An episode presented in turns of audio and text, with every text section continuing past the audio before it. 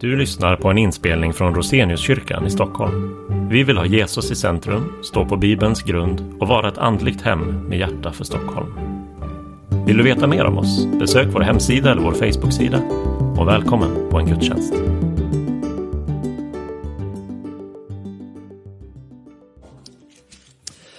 Upplyft era hjärtan till Gud och hör dagens heliga evangelium på juldagen, så skriver evangelisten Lukas.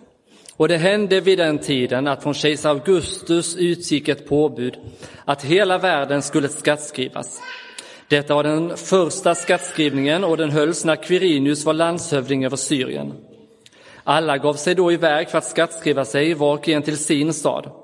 Så for också Josef från staden Nasaret i Galileen upp till Judeen, till Davids stad som heter Betlehem, eftersom han var av Davids hus och släkt. Han for dit för att skattskriva sig tillsammans med Maria, sin trolovade, som var havande. När de befann sig där var tiden inne då hon skulle föda. Och hon födde sin förstfödde son och lindade honom och la honom i en krubba eftersom det inte fick plats i härberget. I samma trakt uppehöll sig några herdar som låg ute och vaktade sin jord om natten. Då stod en Herrens ängel framför dem och Herrens härlighet lyste omkring dem och de blev mycket förskräckta. Men ängeln sa, var inte förskräckta. Se, jag, ser, jag bär bud till er om en stor glädje för hela folket. Ty idag har en frälsare blivit född åt er i Davids stad och han är Messias, Herren. Och detta är tecknet. Ni ska finna ett nyfött barn som är lindat och ligger i en krubba. Och plötsligt var det tillsammans med ängeln en stor himmelsk här som prisade Gud.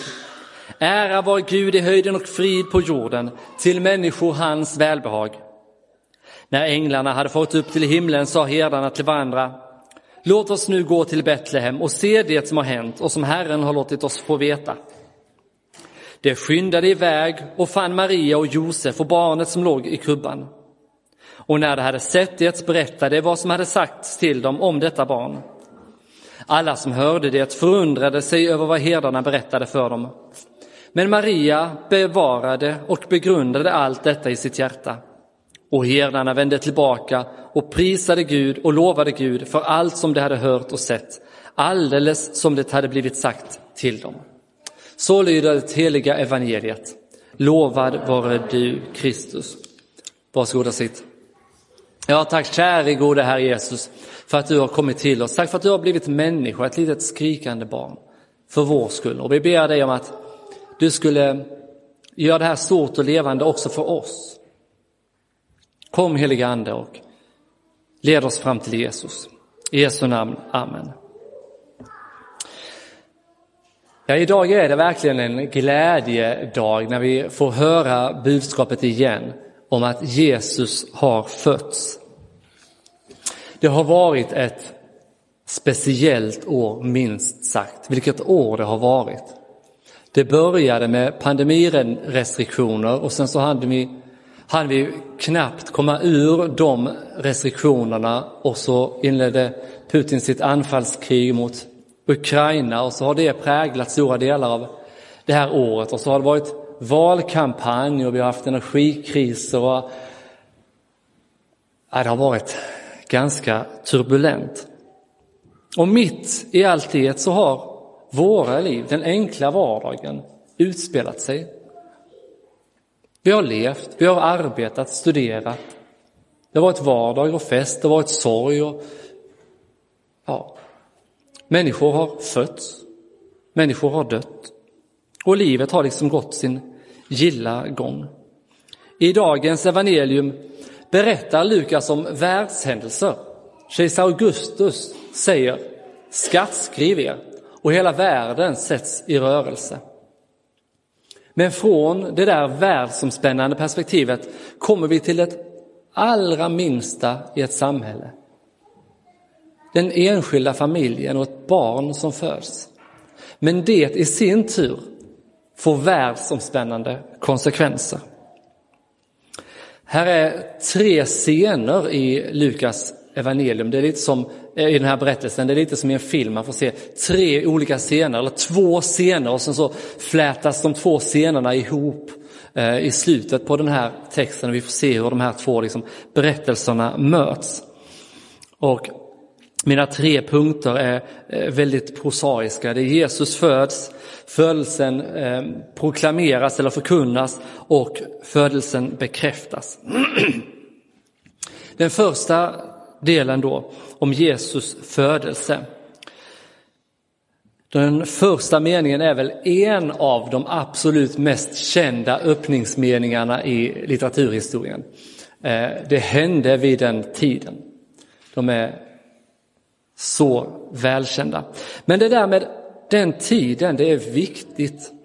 Det knyter givetvis an till kapitel 1. Det är ju meningen att vi ska läsa den här berättelsen i dess sammanhang och då har vi fått läsa om Johannes döparen, hur hans föräldrar har fått veta att de ska bli föräldrar trots att de inte kunde. Sen har vi fått läsa om hur samma ängel, Gabriel, har visat sig för Maria.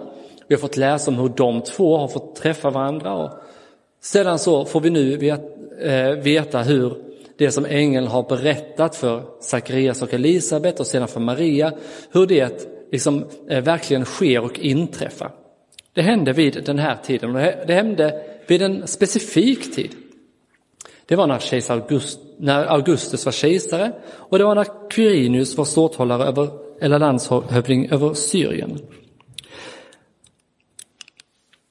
Augustus är kejsare och han var en speciell kejsare. Det var han som eh, liksom, eh, det var han som instiftade den romerska freden. Man talar ibland om Pax Romana eller Pax Augusta. Det är alltså den romerska freden, den som sträckte sig över romarriket. För vid den här tiden när Augustus var kejsare så hade romarriket inte några större interna konflikter utan det rådde en eh, utbredd fred. Och Augustus var den som utvidgade det romerska imperiet eh, mycket och han, han var verkligen en stor otroligt inflytelserik kejsare. Och det han sa hade givetvis betydelse. Det han sa, det skedde. Så när han bestämde att den romerska världen skulle skattskrivas, alltså man skulle genomföra en folkräkning och se till så att man kunde ta upp den skatt som man skulle ha, då lyder världen. När kejsaren talar, då lyder hela världen. Och det får såklart om vittomspännande konsekvenser över hela det romerska imperiet. Och kejsarens ord där långt borta i Rom, det letar sig ända bort till en liten stad i Israel som heter Nasaret. Där bor Josef och hans trolovade Maria. De nås också av det här budskapet. Och därför sätts också deras liv i rörelse. Det var inte lägligt. Hon var höggravid, men det tog inte kejsaren hänsyn till. Han hade bestämt och därför skulle de flytta på sig. Var och en skulle gå till sin hemstad. Och Josef for från staden Nasaret i Galileen upp till Judeen, till Davids stad som heter Betlehem.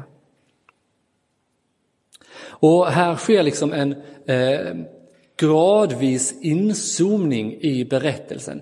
Vi börjar i det här liksom, eh, världsomspännande perspektivet. Vi börjar med kejsar Augustus borta i Rom och sen så zoomas det in till Quirinius som är ståthållare över Syrien.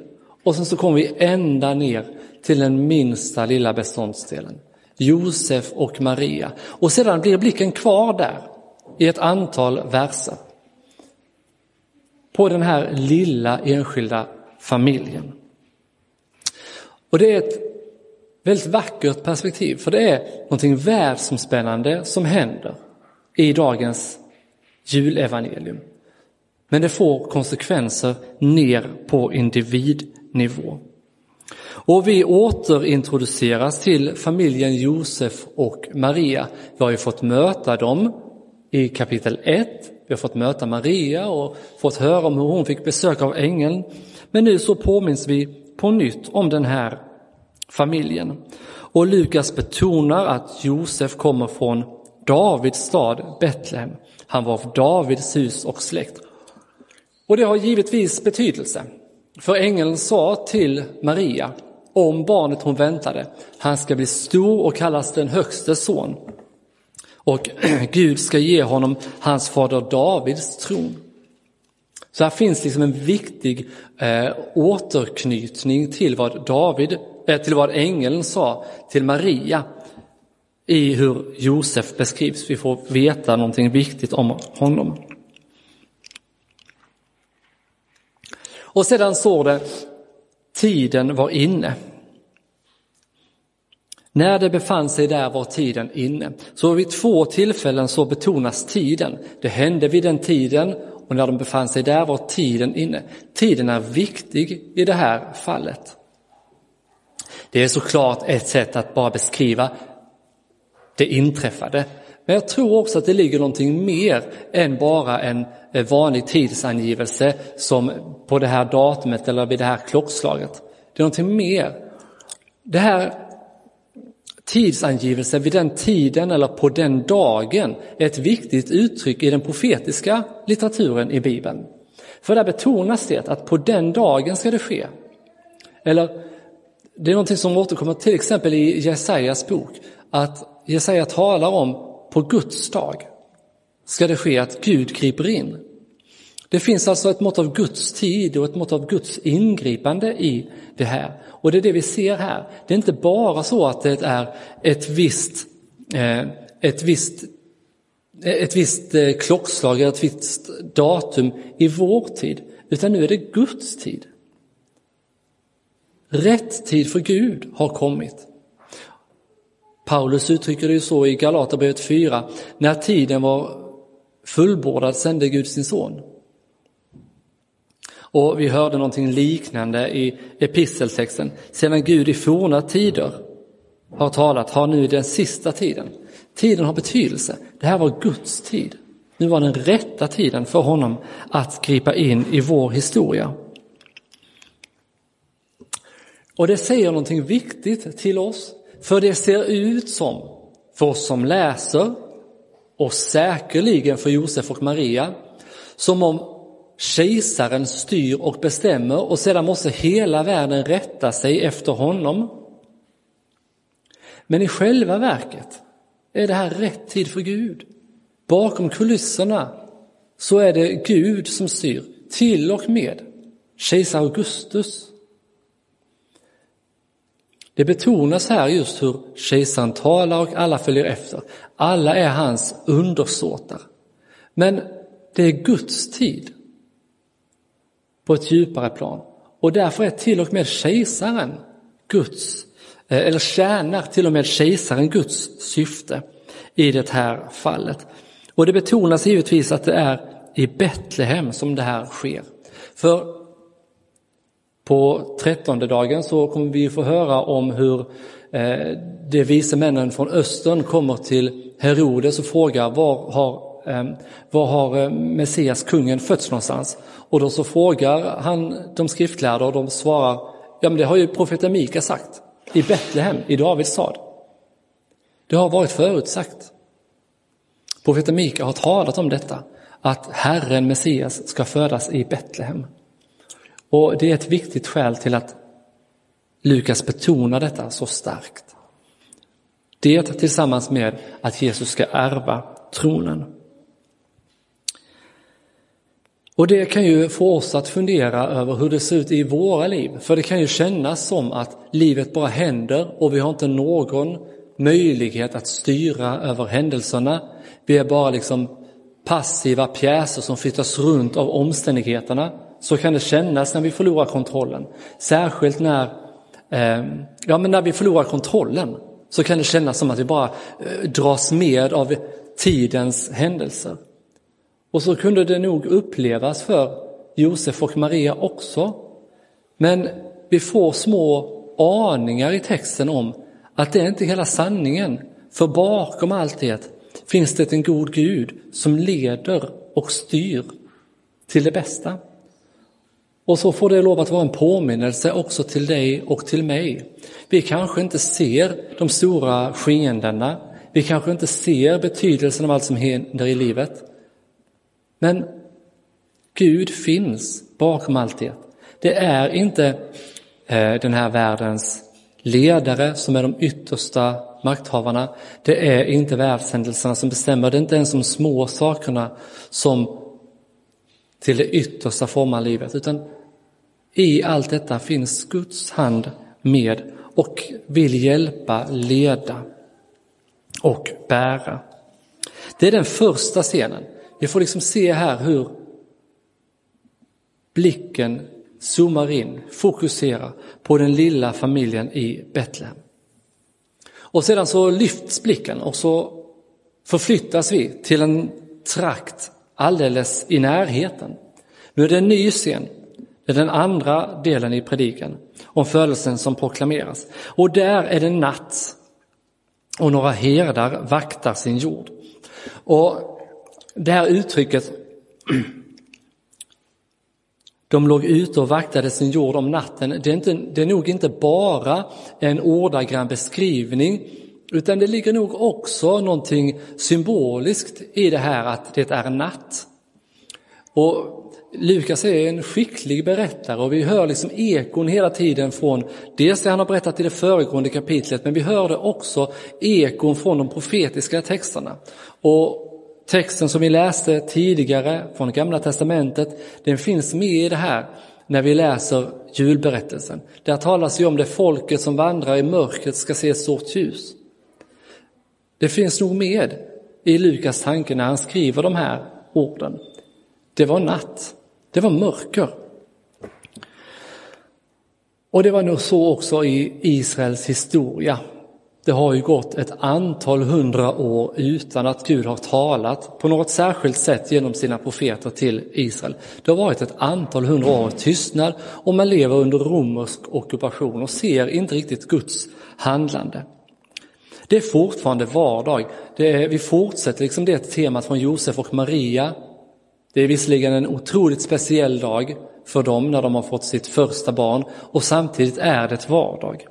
Och här är vi kvar i det lilla perspektivet, men inte ens i Davids hus och släkt, utan vi är i samma trakt.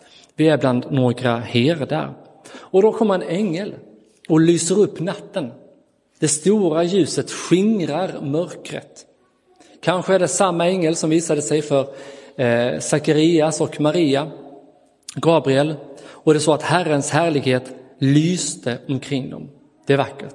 I mörkret kommer Herrens härlighet och skingrar mörkret och lyser upp.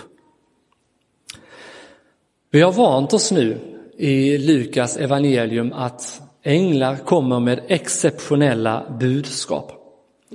Sakarias reagerade med skepsis och sa, hur ska jag kunna tro detta? och han blev stum. Det blev liksom ett tecken på att Gud hade talat. Maria reagerade med förundran och sa, låt det ske med mig som du har sagt. Hur ska herdarna reagera? Det vet vi inte riktigt ännu. Och det dröjer ett litet tag innan vi får veta det. Vi får vänta och se. Men här finns någonting annat vackert eh, i den här första scenen. Herrens härlighet har ju tidigare varit knuten till templet i Jerusalem. Det har varit liksom mötesplatsen mellan himmel och jord. Där har Gud bott, där har Guds härlighet visat sig. Nu står det att Herrens härlighet visar sig någonstans långt därifrån, ute på ängarna, bland några herdar. Inte ens bland prästerna, inte ens bland det fina folket, utan bland några herdar. När Jesus, Guds son, föds till jorden, då visar sig Herrens härlighet mitt i vardagen bland vanliga människor. Han är verkligen Immanuel, Gud med oss. Och här är några alldeles centrala verser i den här bibeltexten och de bär så otroligt mycket innebörd att vi skulle kunna ägna lång tid åt att eh, förklara dem. Ängeln, ja, först och främst så blir eh, herdarna rädda och ängeln säger till dem som till så många andra, var inte rädda. Och det är ju ett budskap också till dig och mig. Var inte rädd. Julens evangelium kommer med budskap om fred. Ängeln säger, jag bär bud om en stor glädje. Och här använder ängeln och Lukas ord som påminner om de ord man använde om kejsar Augustus. Eh, det sa som hans eh, födelse ungefär så här att eh, medan kejsaren när han uppenbarade sig eh, överträffade allas förhoppningar som hade förväntat, väntat på goda nyheter och medan eh, födelsedagen av denna Gud markerade för världen början på goda nyheter. Alltså här finns de här orden om, att, eh, om goda nyheter, födelsen av en Gud. Eh, Kejsar Augustus hade liksom halvgudomliga egenskaper. Så är det här en påminnelse om att ängeln kommer med goda nyheter. Det är en Herre som har fötts. Jesus födelse är verkligen födelsen av en ny kung, precis som Maria har fått veta. En kung som överträffar kejsaren. Hur härligt är det inte att höra budbärarens steg när han kommer med budskap om fred, står det i Jesaja 52. Och det här är goda nyheter för hela folket, för hela världen. Det är goda nyheter för dig och för mig. För idag är en frälsare född. En herre, en kung, en härskare är född. En ny kung är född. Han är född i Davids stad och allt det här ekar av Jesaja 9 som vi läste tidigare, av Mika 5, någon som ska födas i Betlehem. Han är Messias, Herren. Messias är ju det hebreiska ordet för smord, på grekiska är det ordet Kristus. I engelska översättningar så står det He is Christ the Lord, han är Kristus, Herren. Det här är något oerhört speciellt som herdarna får veta. Och så får de höra, ni ska få ett yttre tecken så att ni verkligen kan veta att det jag har sagt till er är sant. Ni ska finna ett nyfött barn. Och det påminner om ett tecken som Jesaja gav, eh, fick, eller berättade om i Jesaja 7. Där så sa Gud, och detta ska vara tecknet för er. Jungfrun ska bli havande och föda en son och hon ska ge honom namnet Immanuel. Kanske ringde här en klocka för herdarna. De måste ha varit eh, insatta i profetiorna, för e-, efter vad ängeln säger så säger han bara en frälsare har fötts i Davids stad. Och sedan säger de kom, låt oss gå till Betlehem. De säger inte kom, låt oss gå till Jerusalem, för det vore det naturliga. Dit gick ju eh, de vise männen, till, till Jerusalem. Men de kopplar, vi måste gå till Betlehem. Kanske var det för att de var fromma judar som väntade på Messias och förstod det här. Sedan kommer den himmelska härskaran och prisar Gud. De sjunger om frid på jorden och det är klart att det är frid på jorden. För medan kejsar Augustus kom med Pax Romana så kommer Kristus med Pax Christi. Han kommer med Kristi fred, med Guds fred. Och det är en fred som övergår den fred som något eh, rike eller någon kung kan skapa.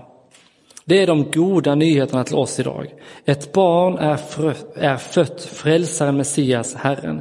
Det är en ny världsordning. Det är fred genom Jesu död och uppståndelse. Och det är goda nyheter för hela världen. Det är de två scenerna som vi får eh, möta här i Lukas berättelse. Den lilla familjen, herdarna på ängen och sen får vi se hur de här två scenerna närmar sig varandra och möts och blir en scen. Och det är den tredje och sista delen om hur födelsen bekräftas. Hur ska egentligen herdarna svara på detta? Ja, de säger vi måste gå till Betlehem och se det som har skett. Och de skyndade sig dit. Det här är viktigt för herdarna. De måste gå dit. De måste skynda sig. För de förstår att om det här är sant, då är det livsavgörande. Och de förstod som sagt att Davids stad syftar på Betlehem. Och här finns liksom en, eh, ett mönster i berättelsen. Änglarna berättar, herdarna bekräftar och sedan vittnar de. Herdarnas bekräftelse att de ser att det stämmer Det är liksom centrum här. Och sen så kan de då liksom bekräfta att det ängeln har, ängeln har sagt är sant och de i sin tur kan vittna för de andra. Och de finner Maria, Josef och barnet och allt var just så som det blivit sagt till dem. De kan se att allting stämde. Och det här är nog ganska viktigt, för i Bibeln så betonas det att efter två eller tre vittnen ska en sak avgöras. Två, tre vittnens ord ska avgöra en sak. Och så är det ju fortfarande för oss, att om vi hör någonting som vi tycker låter otroligt, då vill vi gärna att en andra och gärna också en tredje part ska kunna bekräfta detta. Och på liknande sätt här, när Maria har fått höra ängelns budskap så skyndar hon till Elisabet. Elisabet bekräftar. Josef kan inte riktigt förstå och tro det han hör Maria berätta, så en ängel kommer och bekräftar för honom. Och de måste ju ha berättat för sina vänner och släktingar. Det här var ju eh, Josefs hemstad, så kanske bodde de hos släktingar eller vänner. De berättade för dem och de kanske tyckte det var konstigt. Här kommer herdarna och bekräftar. Och de får i sin tur höra Josef och Maria berätta om detta. Och så liksom är det flera olika av varandra oberoende vittnen som kan bekräfta samma sak. Och det är så att alla förundrade sig när de hörde om detta.